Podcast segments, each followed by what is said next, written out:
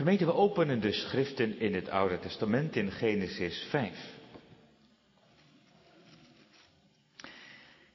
In het hoofdstuk daarvoor komt de geslachtslijn van Kain in beeld. Dus Kain die zijn broer doodsloeg en de nakomelingen. Maar in hoofdstuk 5 komt een andere lijn. Dat is die lijn in Zet. En we lezen dan het geslachtsregister als volgt in Genesis 5. Dit is het boek van de afstammelingen van Adam. Op de dag dat God Adam schiep, maakte hij hem naar de gelijkenis van God. Mannelijk en vrouwelijk schiep hij hen. En hij zegende hen en gaf hun de naam mens op de dag dat ze geschapen werden. Adam leefde 130 jaar en verwekte een zoon naar zijn gelijkenis, naar zijn beeld. En hij gaf hem de naam Seth. Adams dagen waren, nadat hij Seth verwekt had, 800 jaar. En hij verwekte zonen en dochters. Al de dagen die Adam leefde waren 930 jaar. En hij stierf. Seth leefde 105 jaar en verwekte Enos. Seth leefde nadat hij Enos verwekt had 807 jaar. En hij verwekte zonen en dochters. Alle dagen van Seth waren 912 jaar. En hij stierf. Enos leefde 90 jaar en verwekte Kenan. Enos leefde nadat hij Kenan verwekt had 815 jaar en hij verwekte zonen en dochters. Alle dagen van Enos waren 905 jaar en hij stierf. Kenan leefde 70 jaar en verwekte Mahalaleel. En Kenan leefde nadat hij Mahalaleel verwekt had 840 jaar en hij verwekte zonen en dochters. Alle dagen van Kenan waren 910 jaar en hij stierf. Mahalalia leefde 65 jaar en verwekte Jered. En Mahalalia leefde nadat hij Jered verwekt had 830 jaar en hij verwekte zonen en dochters. Alle dagen van Mahalalia waren 895 jaar en hij stierf. Jered leefde 162 jaar en verwekte Henoch. En Jered leefde nadat hij Henoch verwekt had 800 jaar en verwekte zonen en dochters. Alle dagen van Jered waren 962 jaar en hij stierf. Henoch leefde 65 jaar en verwekte Methuselah. En Henoch wandelde met God nadat hij Methuselah verwekt had 300 jaar en hij verwekte zonen en dochters. Alle dagen van Henoch waren 365 jaar. Henoch wandelde met God. En hij was niet meer. Want God nam hem weg. Methuselah leefde 100, 107, 187 jaar en hij verwekte Lamech. En Methuselah leefde nadat hij Lamech verwekt had 782 jaar en hij verwekte zonen en dochters. Alle dagen van Methuselah waren 969 jaar en hij stierf. Lamech leefde 182 jaar en verwekte een zoon. En hij gaf hem de naam Noach en zei, deze zal ons troosten over ons werk en over het zoegen van onze handen vanwege de aardbodem die door de Heere vervloekt is. En Lamech leefde nadat hij Noach verwekt had 595 jaar. En hij verwekte zonen en dochters. Alle dagen van Lamech waren 777 jaar. En hij stierf. Toen Noach 500 jaar oud was, verwekte Noach Sem, Gam en Jafet.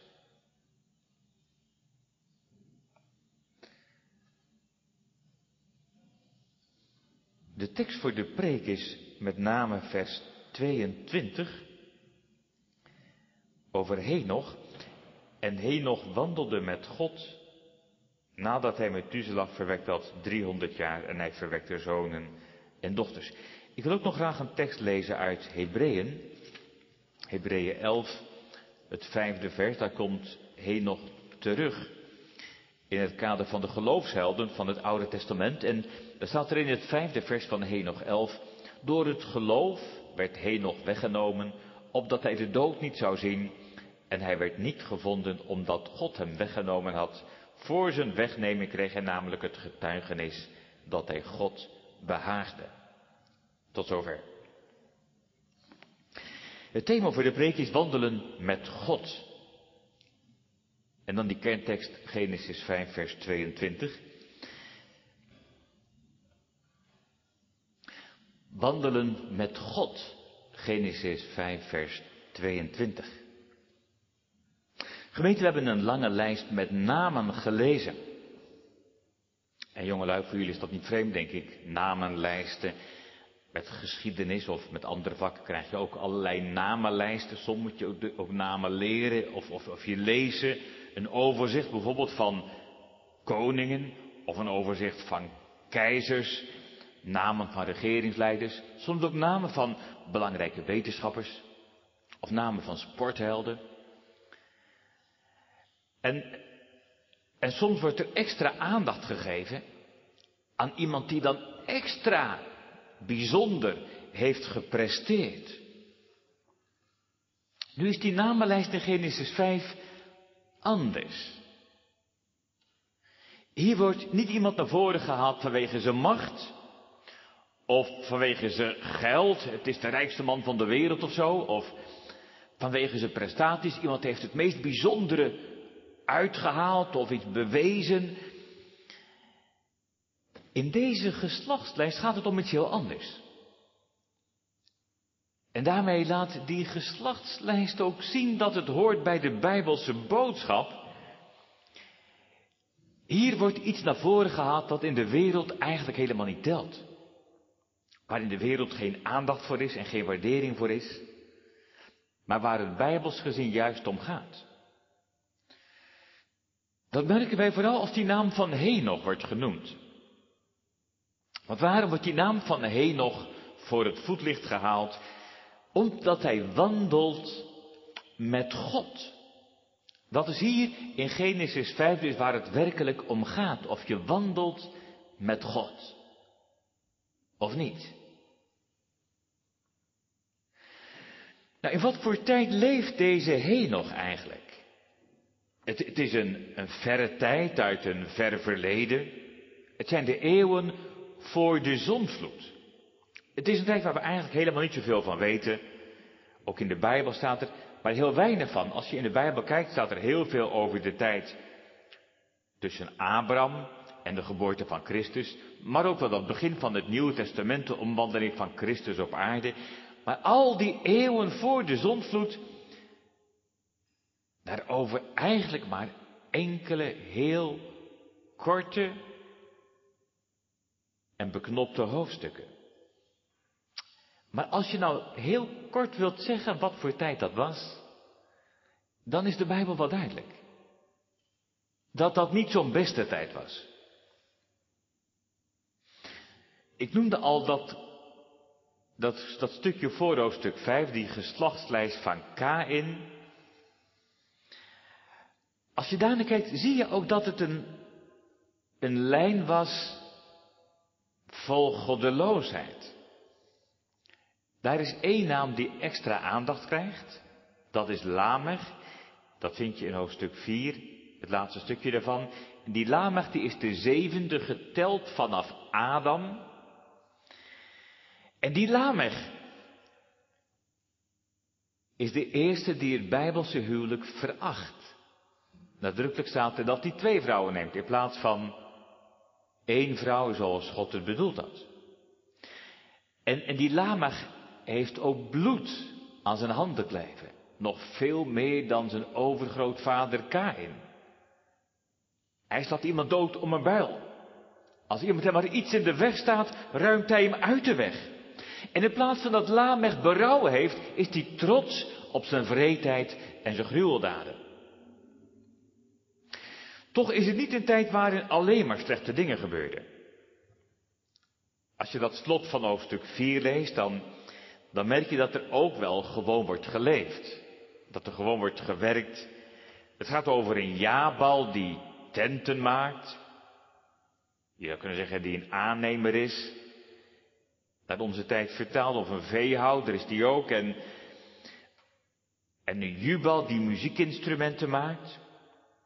En de tubal in die een ijzerbewerker, ook een koperbewerker is. En later zegt Jezus over die tijd, die dagen voor de zondvloed, dan zegt hij, het was een tijd waarin de mensen eten en drinken en trouwen, ten huwelijk geven, ten huwelijk worden genomen. Kortom, allemaal goede dingen. Wie zou er zeggen dat eten niet goed is, dat drinken niet goed is, dat doet u ook, dat doe ik ook. Daar ben je dankbaar voor, dat zijn gaven van God. Met andere woorden, ook in die tijd leven de mensen het leven met alles erop en eraan. Eigenlijk het hele normale leven, zoals ook in deze tijd. Maar één ding ontbreekt. Ze wandelen niet met God. En weer, precies zoals heel veel mensen vandaag. Ze leven gewoon hun leven. Burgerlijk, heel normaal, misschien asociaal, maar ondertussen zonder God. En dan die andere geslachtslijn in Genesis 5. De nakomelingen van Seth. En het eerste wat van die lijn vermeld wordt, dat is het laatste stukje van hoofdstuk 4, moet u maar eens erbij pakken. Begon men de naam van de Heere aan te roepen. En bedoeld is daar het openlijk aanroepen van de Heere door Zet. Maar het gaat hier waarschijnlijk ook over een gezamenlijk aanroepen van de Heer. Niet alleen alleen, maar ook met anderen samen. Een soort openlijke samenroeping. Een aanroepen van de Heer. Men komt bij elkaar om te bidden. Om de Heer God aan te roepen. Om Hem te prijzen en te dienen. En te smeken. Dat is, dat is opmerkelijk, hè? Als de Bijbel zegt dat het een tijd is van toenemende goddeloosheid, dan zie je aan de andere kant een geslachtslijn die des te meer God nodig heeft. Die begint te roepen tot God. Die probeert samen te komen om God te zoeken. We kunnen ons ook wel eens afvragen, wat is onze reactie? Ook in deze coronacrisistijd, de beperkingen ook voor de kerk, de kerkdiensten. Wat is onze reactie met alles wat er gebeurt, alle onrust, de onzekerheid? Is daar ook al die reactie dat, dat juist wij de naam van de Heere beginnen aan te roepen, dat we zo bekend staan in deze wereld? Als aanroepers van God. Dat, dat we juist in deze tijd God nodig hebben, dat dat aan ons te merken is. Als je die lijn van Zet ziet, dan is er ook een zevende geteld vanaf Adam. En die zevende, dat is Henoch. Henoch vormt een contrast met die zevende vanaf Adam in de lijn van Kain. Die Lamech, die goddeloze Lamech, daartegenover Henoch die wandelt met God. Blijkbaar valt Henoch op in die tijd. Niet alsof hij de enige zou zijn geweest, maar hij valt wel op in zijn wandelen met God. Juist dat scherpe contrast tussen die lijn van Kain en de lijn van Zet. Dat wil op zich niet zeggen dat alle nakomelingen van Kain als vanzelfsprekend zonder God leven. Dat staat er niet, dat hoeft ook niet. Het betekent ook niet dat alle nakomelingen van Zet werkelijk met God leven, dat staat er ook niet. En toch is dat contrast tussen die beide geslachtslijnen heel nadrukkelijk aanwezig. En wordt ook heel bewust geschetst als een contrast. Ook toen was er al onderscheid tussen koren en kaf. Ook toen was er onderscheid, een brede en een smalle weg. Mensen die de brede weg bewandelen zonder God, maar ook mensen die de smalle weg met God bewandelen. Ook toen was er het essentiële verschil tussen hen die wandelen met God en hen die leven zonder God. Een verschil van leven en dood. Je zou je af kunnen vragen, die Henoch, zou die van jongs af aan de Heere God hebben gediend? Dat zou natuurlijk wel mooi zijn. Toch, hoe jonger, hoe beter. Ja toch? Ook jullie jongens en meisjes, ik hoop dat jullie juist in je jonge jaren de Heere Jezus liefhebben en hem zoeken en hem dienen. Hoe jonger, hoe beter. En, en, en, als ouders hoop je dat van je kinderen natuurlijk. En als grootouders van je kleinkinderen. En als gemeentelid van de kinderen en de jongeren in de gemeente. Hoe jonger, hoe beter. Hoe jonger je vergeving vindt voor je zonde. Je verzoend wordt met God. Hoe beter om te wandelen met God van jongs af aan. Toch is dat nooit vanzelfsprekend. Niet in de tijd van Henoch en evenmin in onze tijd. En ook Henoch is net als wij een zoon van Adam. En u weet ook wel, dat is niet zomaar alleen dat Adam dan zijn opa is. Maar dat zegt ook iets over, over het deel uitmaken van een geslacht van mensen dat God verlaten heeft. Dat zegt ook iets over een geboren worden buiten het paradijs. Ook Henoch is in zonde ontvangen en geboren, net als wij. Ook Henoch is uit zichzelf ongeschikt voor het koninkrijk van God. Net als wij. Ja toch? Denk aan de doop. Het water laat het al zien. Dat water is nodig. Het spreekt van afwassing. Er is wat af te wassen. Er is iets te verzoenen. We hebben vergeving nodig vanaf het eerste begin. De doop spreekt zelfs over het begraven worden met Christus. Eigenlijk zegt die doop, zoals wij geboren worden, deugt ons leven maar voor één ding. En het klinkt cru, maar het is wel bijbels. Ons oude leven dient maar voor één ding om begraven te worden.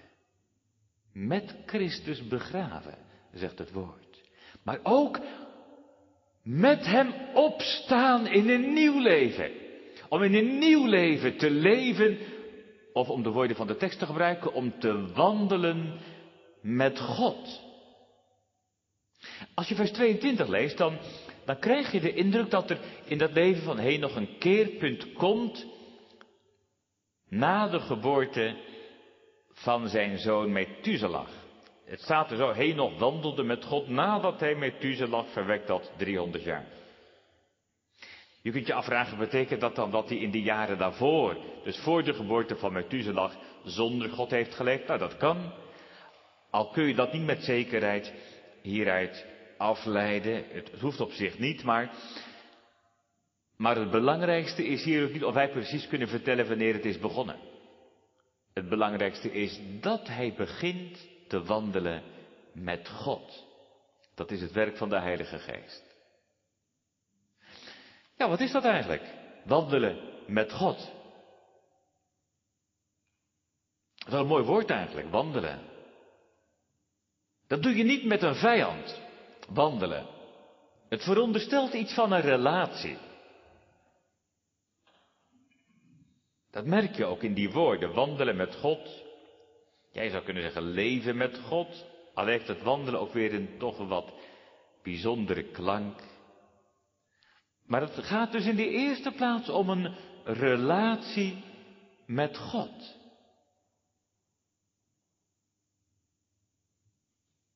Dat moet een keer beginnen in ons leven.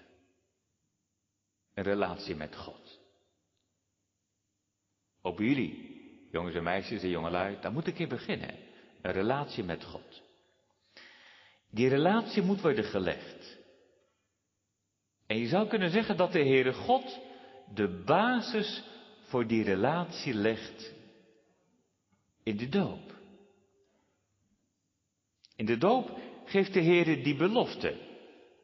Ik zal mijn verbond maken tussen mij, u en uw nageslacht na u, al die generaties door tot een eeuwig verbond, om voor u tot een God te zijn en voor uw nageslacht na u. Dat is de belofte, dat de Heere zegt, ik ben de Heere, uw God. Jouw God, de belofte. En bij die belofte hoort altijd de eis in de Bijbel. Die kun je nooit los van elkaar zien. Dat is ook bij die oude belofte aan Abraham die nog steeds wordt voortgeplant van kind tot kind in de christelijke gemeente. Dat verbond vraagt een antwoord en zegt de Heer, u moet dat verbond in acht nemen. U en uw nageslacht, al die generaties door. Met andere woorden, de Heer vraagt om een antwoord. Dat ons heel persoonlijk laten verzoenen met God.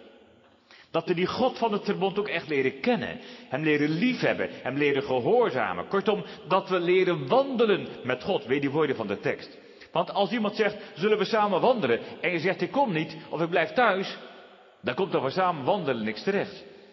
Je, je moet wel meegaan natuurlijk. Bij die belofte hoort de eis. Het verbond vraagt een antwoord. Wandelen met God.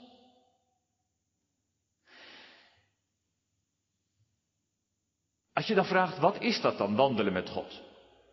Ik dacht, dat is een relatie en dat, dat is ten diepste iets wat heel het leven omvat.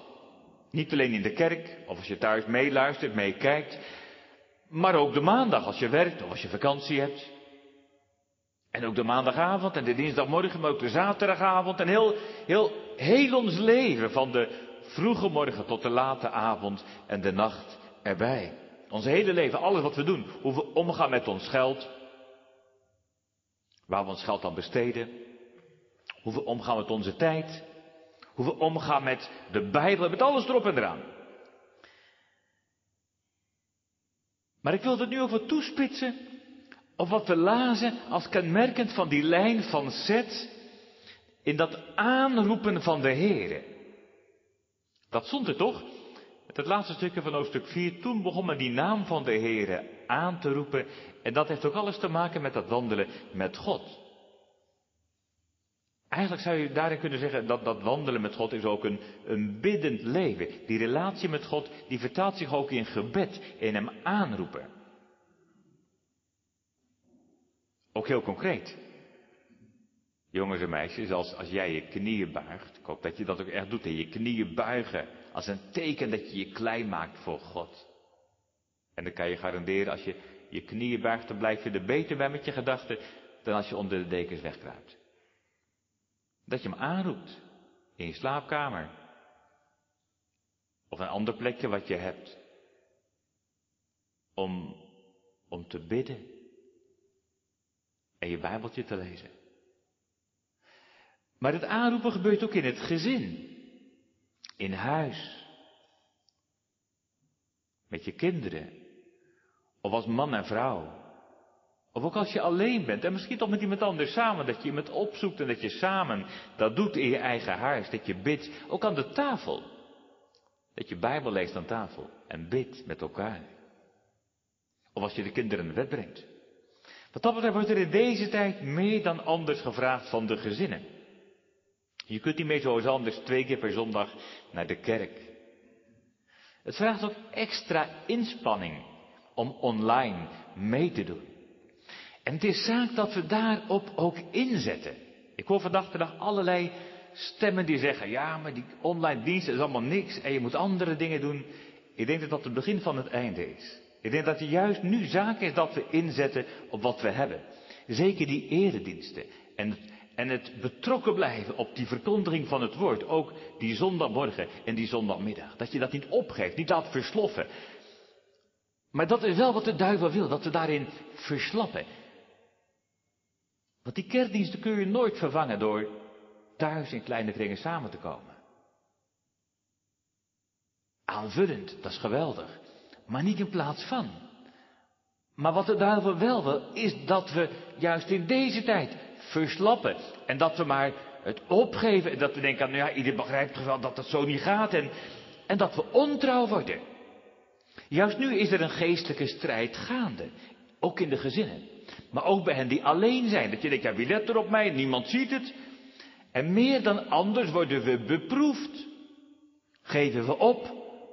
Of houden we vol? En juist ook nu is dat vurige gebed nodig, ook in de gezinnen, in de huizen. Dat aanroepen van de Here. Maar ik zei al, dat aanroepen heeft in de Bijbel ook in bijzondere betekenis in de samenkomsten van de gemeente. Dan lijden we aan de beperkingen waar we mee te maken hebben. En laat het ook maar lijden zijn. Dat je daaraan lijdt, het geeft pijn, het doet verdriet. En des te meer verlangen we naar dat, dat je gewoon met elkaar kunt samenkomen in een volle kerk en het volle borst kunt meezingen. Maar ondertussen komt het nu aan op volharding. En als we dan denken aan al die gemeenteleden die al jarenlang thuis bij de kerktelefoon moesten meeluisteren. Waarom zouden wij dat niet kunnen? Op mensen die in de gevangenis zaten die niks hadden. Ik las pas een boek van een van die Russische predikanten. Die jarenlang opgesloten heeft gezeten. Die had helemaal niks. Die kon niet samenkomen. Maar dan komt het aan op volharding. Juist in dat wandelen met God. In dat aanroepen van Hem. Want daar is wel iets van het geheim van dat wandelen met God. Dat aanroepen van Hem. Nu heeft dat wandelen ook iets vertrouwelijks. Dat is ook het mooie van het woord wandelen in vergelijking met alleen maar, maar leven met God. Dat is natuurlijk ook mooi, maar dat wandelen heeft iets vertrouwelijks. Als je met iemand wandelt, kun je vaak wat makkelijker praten.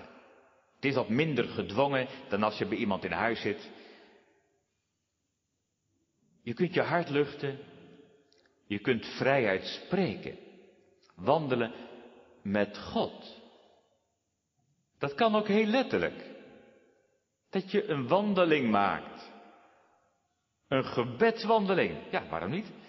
Als je door de winkelstraten loopt, dat je bidt voor Venendaal. Of als je door de Prattenburg loopt, door de bossen. Dat je in alle stilte wandelend spreekt met God. Alles bij de Heer brengt je hart voor hem uit, sluit alles wat je bezighoudt, je zorgen, je noden. Dat kan dus heel letterlijk wandelen met God. Maar, het is natuurlijk niet alleen letterlijk wandelen. Dat voelt u ook wel aan. Het, het, het is ook een, een overdrachtelijke betekenis, wandelen met God. Dat is ook als je nu in de kerk zit. Ja, je loopt niet door elkaar heen, je zit in je bank en toch kan ook dat wandelen met God zijn. Of als je thuis op je stoel zit. Of als je in je kantoor bezig bent. Of als je nu thuis moet werken achter je laptop. Of op de fiets zit. Of in de auto of onder de douche staat. Dat kan overal. Zelfs op het toilet om zo te zeggen. Overal kun je wandelen met God dat je, dat je toch je richt op Hem. Of, of je moet dan een, een, een proefwerk maken of, of een repetitie. En dat je toch, toch als het ware zegt, Heer Jezus, wilt u mij helpen? Of dat je, wat, moet ik nou toch weer doen? Dat je zegt, Heere, help me, geef me wijsheid. We noemen dat wel eens bidden met de pet op. Maar dat hoort erbij. Wandelen met God in de gewone dingen, zomaar tussendoor. Wandelen met Hem. Het doet me denken aan een mooi Bijbels voorbeeld. Dat kent u allemaal. Dat is van die, die Emmausgangers. Die wandelen letterlijk met God. Want Jezus komt erbij. En Jezus spreekt ze aan. En Jezus vraagt, wat is er aan de hand? En Jezus zegt, vertel het toch. Maar ze herkennen hem niet. Ze hebben het helemaal niet in de gaten. Ze weten niet dat het Jezus is en toch wandelen ze met Jezus. Ze wandelen met God. Ja, later, later dan merken ze wel, onze harten waren brandend van verlangen. Dat merk je wel, dat die harten warm werden. Dat is mooi, hè? Jongens en meisjes, dat hoop ik ook voor jullie. Dat, dat je hart warm wordt van Jezus. Dat is ook wandelen met God. Dat je hart warm wordt van Jezus. Waren onze harten niet brandend in ons? Ze wandelen met Jezus.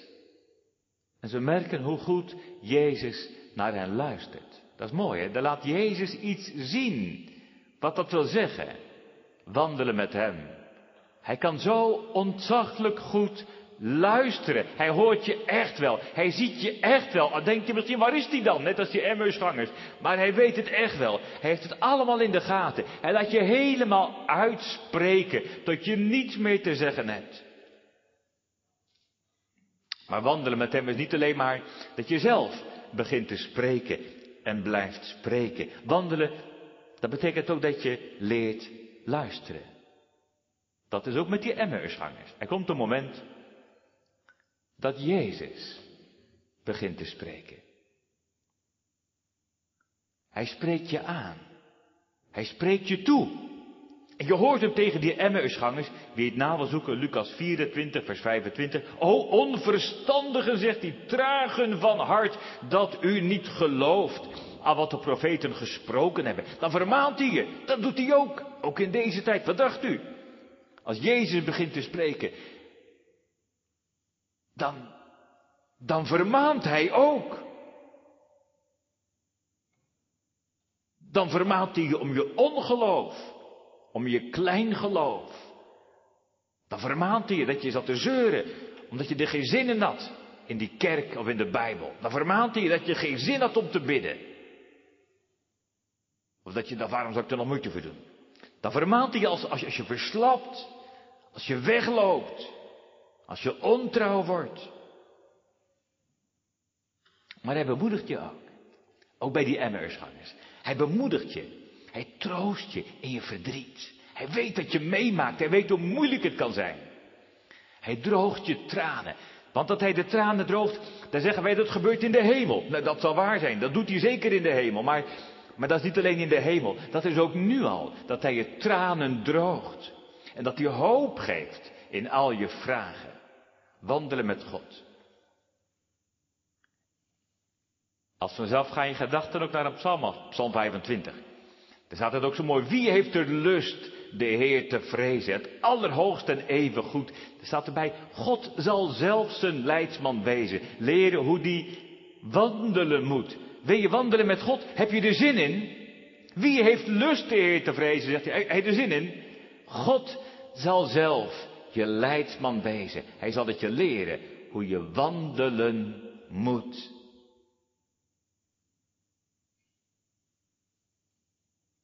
Ik zei al dat bij het wandelen met God, dat aanroepen van de Heer, iets van het geheim is, van het wandelen met God. Maar dat wil niet zeggen dat je heel de dag zit te bidden of met, met een boekje in een hoekje zit. Al kan dat ook wel mooie dingen hebben natuurlijk, maar, maar die Henoch staat wel midden in het gewone leven. Die Henoch staat midden in de samenleving. Er staat dat hij zonen en dochters verwekt. Dan kun je natuurlijk niet zeggen, daar zorgt mevrouw maar voor. Dan moet je zelf als man je verantwoordelijkheid ook nemen. Hij heeft een druk gezin. Daar moet worden gewerkt. Daar moet worden gezorgd. Daar is van alles en nog wat aan de hand. Een druk gezin, een druk leven, met alles erop en eraan. Henoch trekt zich niet terug uit het openbare leven. Hij is te vinden midden in deze wereld. En die Henoch laat ook van zich horen. Ja, misschien zegt iemand, waar haalt u dat nou weer vandaan? Heeft de dominee een dikke duim of zo? Nee, dat staat in de Bijbel. Ik heb het niet met u gelezen, maar ik zal u wel vertellen waar het staat in die korte brief van Judas.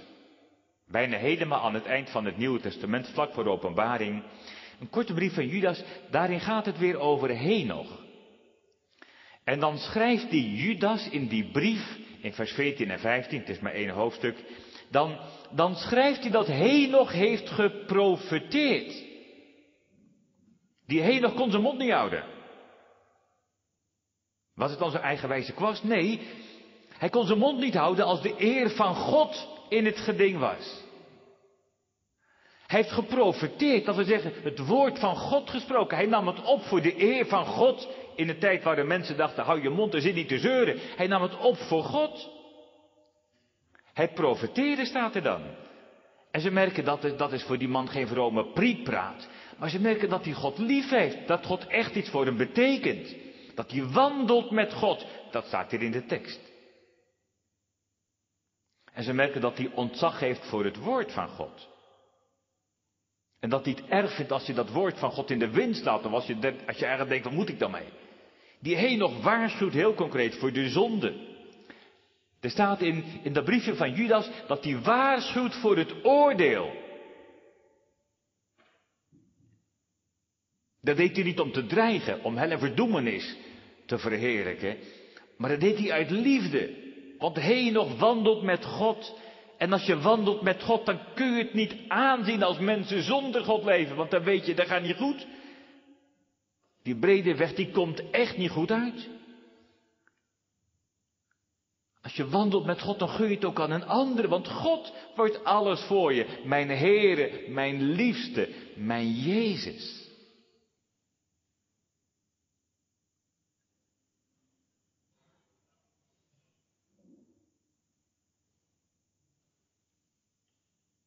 Nu zou je je af kunnen vragen, ik heb me dat zelf ook al afgevraagd, hoe zou nou die Henoch hebben gereageerd op alles wat er aan de hand is vandaag de dag? Hoe zou die bijvoorbeeld hebben gereageerd op al die overheidsmaatregelen, ook de zorgen in de samenleving? Daar kun je heel veel van zeggen. Heel veel van denken.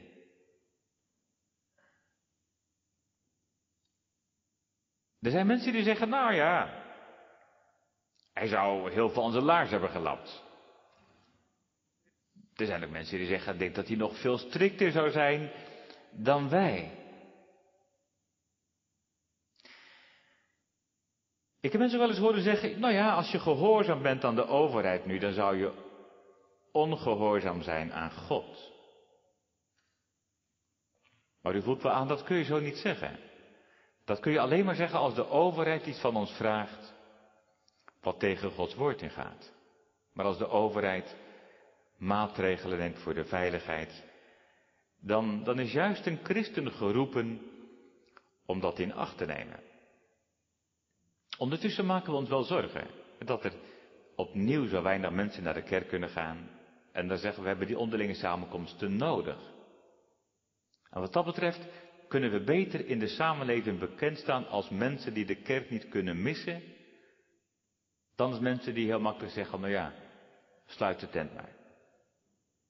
Laten we maar aan ons merken dat wij de kerk niet kunnen missen en ook niet zullen opgeven, omdat het ons gaat om God. Maar het grootste gevaar voor ons is niet dat we ons moeten behelpen met online toestanden, online diensten. Het grootste gevaar is dat wij verstappen in het wandelen met God. Als er iets is waar het nu op aankomt, is het wel volharden in dat wandelen met God. Dat aanroepen van Hem. En dat luisteren naar zijn woord. In je eigen leven, in je eigen huis. En zoveel het kan ook met anderen van de gemeente. De duivel kan ons veel afnemen. Er kan een moment komen dat de duivel ook echt de samenkomsten van de gemeente van ons afneemt. Er zijn heel wat christenen wereldwijd die hebben daar vandaag mee te maken. De duivel kan ons bijvoorbeeld ook het kerkgebouw afnemen. Denk aan de kerk in China.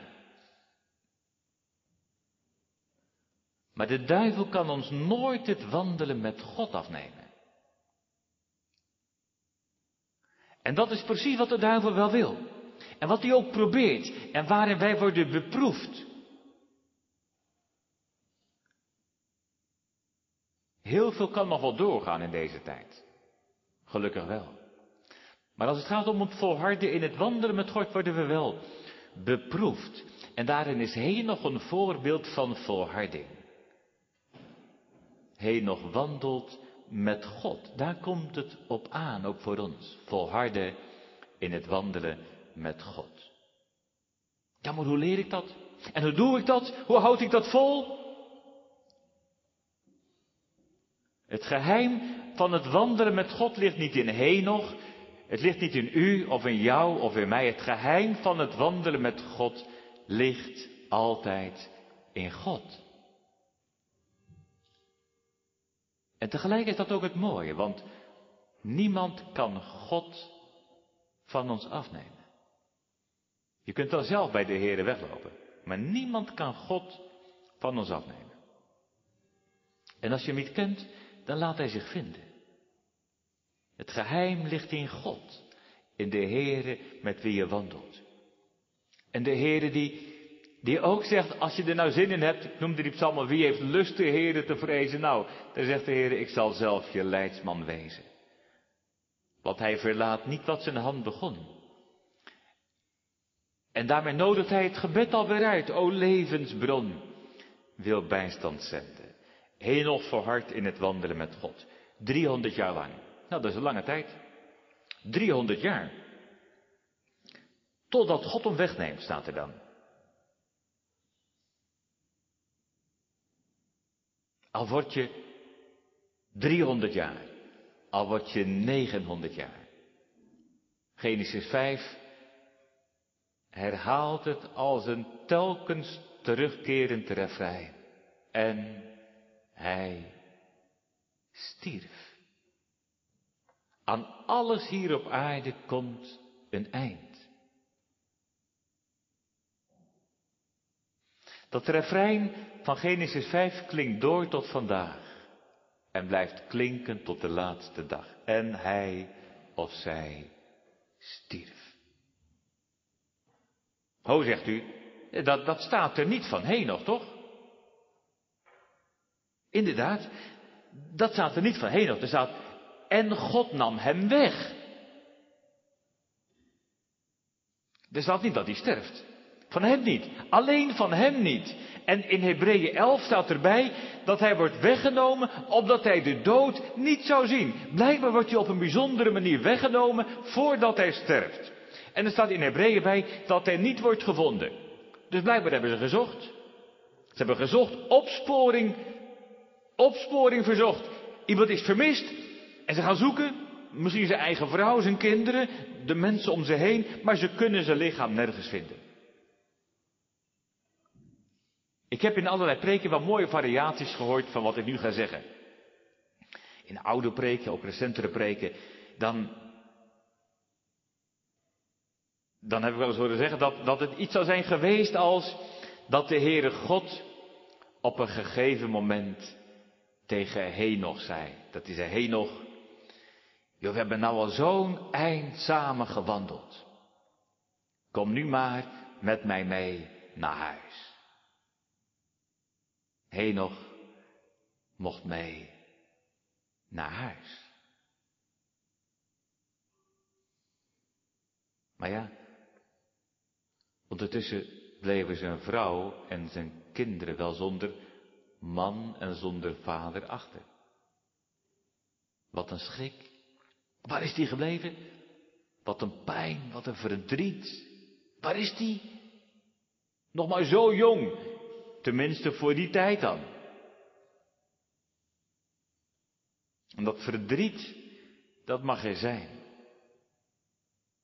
Maar er is ook troost, want ze weten dat hij heeft gewandeld met God. En ze weten dat hij bij God in goede handen is. Henoch is weggenomen door hem met wie hij heeft gewandeld. Dan mag je even wandelen met hem in het hemelse vaderhuis. In het hemelse vaderland. Dat is de troost van het geloof voor Henoch en voor zijn vrouw en voor de kinderen, maar ook voor ons. Voor iedereen die wandelt met God. Dat je mag weten, wandelen met God, dat houdt ten diepste nooit meer op. Zelfs niet als je wordt weggenomen. Zelfs niet als je sterft. En tegelijk de als je niet wandelt met God, dan mis je die troost. Als je zonder God leeft, zul je ook eeuwig zonder God zijn. En dat is de dood. Maar wandelen met God, dat is het leven. Wandelen met God, dat is geloven in Christus. Dat is hopen op zijn woord. Dat is leven door zijn geest. Hem aanroepen. Wandelen met God. Je richten op God midden in een wereld die om God niet geeft. Wandelen met God. Dat is een leven dat nooit meer eindigt. En daarom vraag naar de Heere en zijn sterkte. Naar hem die al uw heil bewerkte. Zoek dagelijks zijn aangezicht. Amen.